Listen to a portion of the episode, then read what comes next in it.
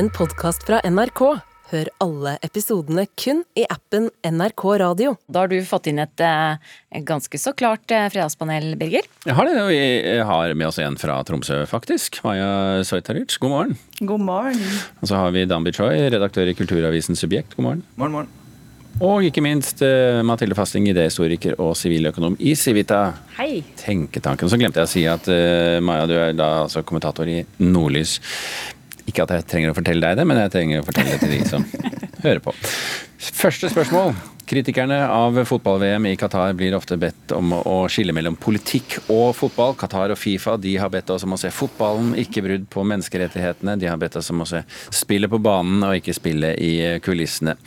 Og før Messi fikk overrakt VM-trofeet under seiersseremonien, så fikk han på seg en kappe fra den qatarske emiren.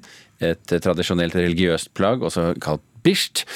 Å få en sånn kappe regnes som en stor ære i Qatar. Men spørsmålet vårt er, og vi kan jo begynne med deg, Damby. Ved denne kappegaven gjorde Qatar selv fotball-VM politisk? Jeg har litt lyst til å si nei. Maja? Nei. Mathilde? Nei. Du hadde litt lyst. Hva er det som drar deg i den andre retningen? Nei, fordi at Jeg har veldig lyst til å si ja til at eh, man skal se kritisk eh, på VM i Qatar, og man skal se på menneskerettighetsbrudd, og man skal kritisere det som skjer rundt og bak kulissene, eh, samtidig som man ser på fotball. Eller samtidig som man Samme dag som man ser på fotball. Fifa ønsker jo gjerne at vi skal snakke mer om fotballen og mindre om politikken, men det er ikke nødvendigvis denne drakten som gjør det, og vi må sette kritikken på riktig plass for at den også skal tas på alvor. Maja?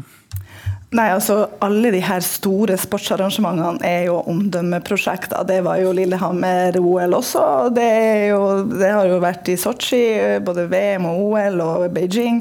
Eh, plasser hvor det begås og har blitt begått menneskerettighetsbrudd òg. Eh, alltid er det jo et eh, aspekt av spetakkel og forskjønnelse av bildet av stedet der det er. Også når man på en måte selger inn sine steder som eventuelt OL eller VM-arena, så gjør man det ut ifra et sånt eh, at det her kommer til å styrke vårt omdømme. Da. Mm. Så det har vært et omdømmeprosjekt for Qatar, uten tvil, men akkurat det her plagget tror jeg ikke er så politisk. Sånn som jeg også har lest, så kosta det også 25 000 kroner for plagget der, så det var en grei gave. Mathilde Fasting. Jeg måtte tenke at denne saken her har vi på en måte nå diskutert i så lenge fotball-VM har pågått, og det er en god stund. Nå er det ferdig, da. Så jeg leste i går en artikkel av Espen Goffeng i Minerva, og da fant jeg ut at jeg skulle melde meg inn i Foreningen for korrekt moralsk balanse, som ja. han, han, hadde, han skrev om. Og det var Han selger til og med avlat, sånn at eh, man kan ha et årlig medlemskap i den foreningen, og så har man det på kort å vise fram hvis man kommer opp i denne typen diskusjoner. Men selvfølgelig, fra spøk til alvor, så er det klart at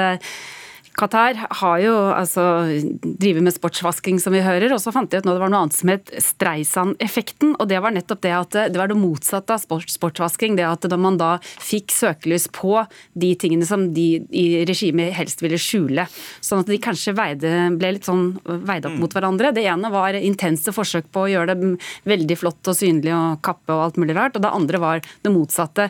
Altså at OK, dere gjør det, ja, men da er det noe muffens her et eller annet sted, så da må vi, må vi kritisere det. Jeg sa jo at eh, jeg hadde litt lyst til å si nei. Det var fordi jeg trodde flere skulle si ja, men nå har jeg litt lyst til å si ja, jeg. Ja. Eh, så jeg bytter, fordi at eh, altså, man har jo dette Nei da, nei da jeg bytter ikke. Ikke første gangen i Fredagspanelets historie.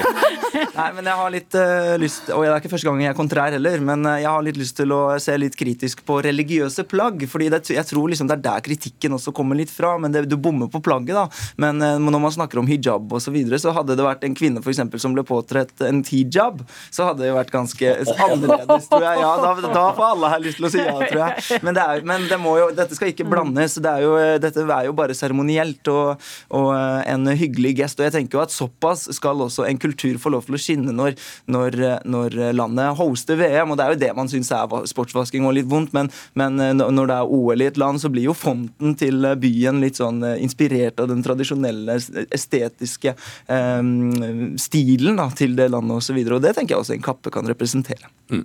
Skal vi si det sånn? Ja, høres bra ut. vi går på spørsmål nummer to. Nordmenn Vi har eh, rekordmange strømmetjenester for tiden. Det viser tall fra tredje kvartal eh, i år. Men eh, forskningsdirektør i medieavdelingen i Kantar Media, Knut Arne Futsæter, han tror nå folk vil gå ned i antall strømmetjenester fremfor, fremover pga. trangere økonomi.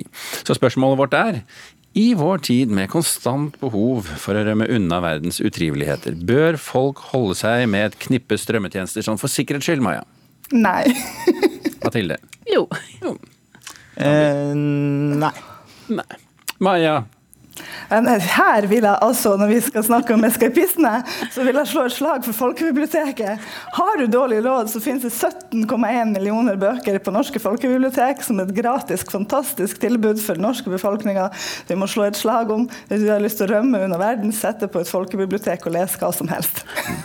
Mathilde? Ja, det, det, tror jeg er en veldig fin tanke, men jeg tror ikke det funker. Kommer ikke. Nei, kommer ikke til å skje. De må få lov å se på, se på, strømmetjenester, og det verste er jo at disse strømmetjenestene har jo hver seg sine ting som du plutselig føler oi, den, og går den på den? Søren, der har jeg ikke abonnement, nå må jeg ha et abonnement der for den, eller det må jeg absolutt se. Og så sitter du der plutselig med et hel portefølje av strømmetjenester for å få med deg det du vil, nå i julen så jeg er helt sikker på at folk kommer til å se på strømme forskjellige filmer og serier så det bare står etter. Helt sikkert. Men de bør altså sitte med en slags sikringskost av strømmetjenester? Ja, ja, jeg mente det. Ja. Tenk, tenk, deg på pandemien, da. Altså, jeg mener da. Hvis du ikke har noe å gjøre da, måtte sitte inne. Nå er julen sitter folk foran skjermen. Inne. Nei, jeg har litt lyst til å si at uh, minne om at kapitalismen skulle jo liksom løse alt, men så, så, gjør den ikke alltid det når det gjelder sånne strømmetjenester osv. Så fordi at du, du, får så mange etter hvert. og F.eks. elsparkesykler også, så måtte du plutselig ha ti apper på et tidspunkt for å liksom ta den nærmeste elsparkesykkelen. Så at de ikke konkurrerer bedre og liksom har en felles plattform for det, uh, det skjønner jeg jo også, men sånn er jo sant, konkurransen. Sånn er det også med mediene. På nordiske mediedager hvert år så snakker man om at man skal samarbeide om innlogging og sånn, men ingen har jo lyst til å gjøre det. Blir det monopol, vet du. Ja, ja, ja, det også, for øvrig. Eh, men, men, så er det jo sånn at jeg er litt glad jeg, for at det ikke går så veldig bra med strømmetjenesten om dagen, og heller ikke med sosiale medier. Jeg er jo representant for redigerte medier og synes uh, i, konkurranse mot dem at det er helt fint at det, det, brukerne må prioritere, og da også velge redigerte medier. Maja, hvor mange strømmetjenester abonnerer du på? Uh, fire. Og så ser jeg jo selvfølgelig på NRK på nettet. Men du går, uh, også, men du går også i biblioteket, ikke sant? Jeg går også i biblioteket som et fantastisk arkitektonisk bygg i Tromsø. Også en nydelig møteplass for folk.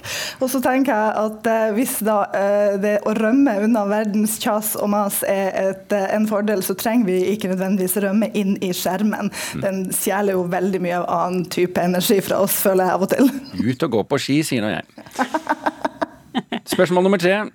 Julen den er jo barnas høytid, og mange av våre tradisjoner er enten knyttet eller tilrettelagt eh, for barn, eller kanskje forsøk på å gjenskape barndommens juleminner. Det er jo mange som har det sånn. Og jo eldre man blir, jo mer sannsynlig er det at man da nedskalerer julefeiringen en smule. Så spørsmålet vårt er, vi kan begynne med deg Mathilde, er det barnslig å være opptatt av jul? Nei. Damby? Mm, ja. Maja? Nei. Mathilde? Ja, nå mistenker jeg Dambi for å svare nei, bare fordi jeg svarte ja, men, men, ja, men, først, nei. men uh, altså uh, Nei, jeg syns ikke det. Jeg syns at det må få lov å være opptatt av jul. Jeg syns det, det, er en, en høytid som, som er veldig hyggelig. Det er ikke spørsmål om det er lov å være opptatt av jul? Nei, altså for, barnslig å være opptatt av jul. Det, det, det, kan man få lov å være. Ta med seg det man forventet og det man forbinder med jul som man gjorde da man var liten, og fortsette å gjøre det når man blir større. Det er helt lov.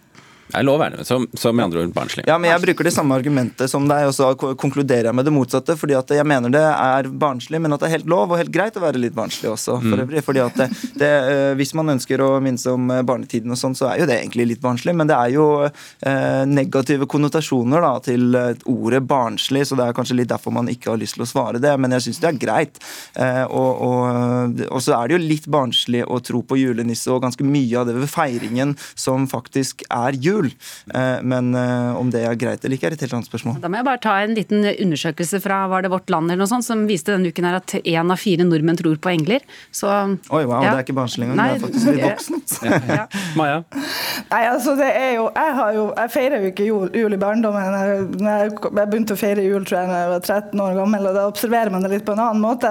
Da så jeg jo veldig fort at det her er voksne som prøver å lage høytid for barn. Det, veldig, det har alltid på en måte vært på de voksnes premisser. Til og med den her rampenisse-farsotten som nå har bredd om seg, eh, som folk klager, i hvert fall i min feed, noe voldsomt på, medfører dem ekstremt mye stress, er ikke noe som barn sjøl har etterlyst. Er de voksne som har, liksom, har lyst til å ha de her pakkekalenderne og rampenissene og sånn, eh, for å skape eh, Kanskje pakke inn veldig mye barndom i de her eh, 24 dager og frem mot julaften og så jul.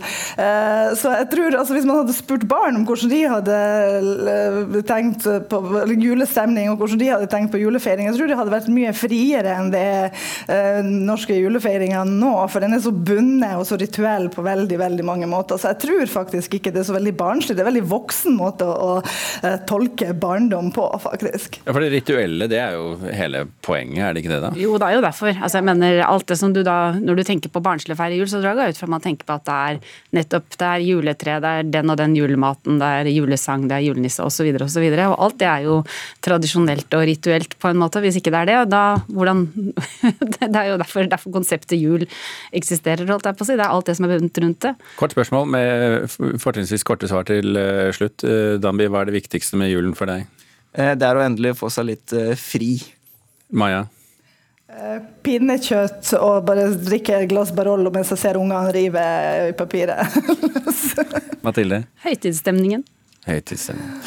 Fri, eh, Barolo og høytidsstemning eh, blir ikke bedre enn det, spør du meg. Men eh, Fredagspanelet tar vi eh, kveleren på akkurat nå. Eh, og så takker jeg så mye for at dere utgjorde det i dag. Mathilde Fasting, Danby Choi og Maja Soitaric. Du har hørt en podkast fra NRK. Hør alle episodene kun i appen NRK Radio.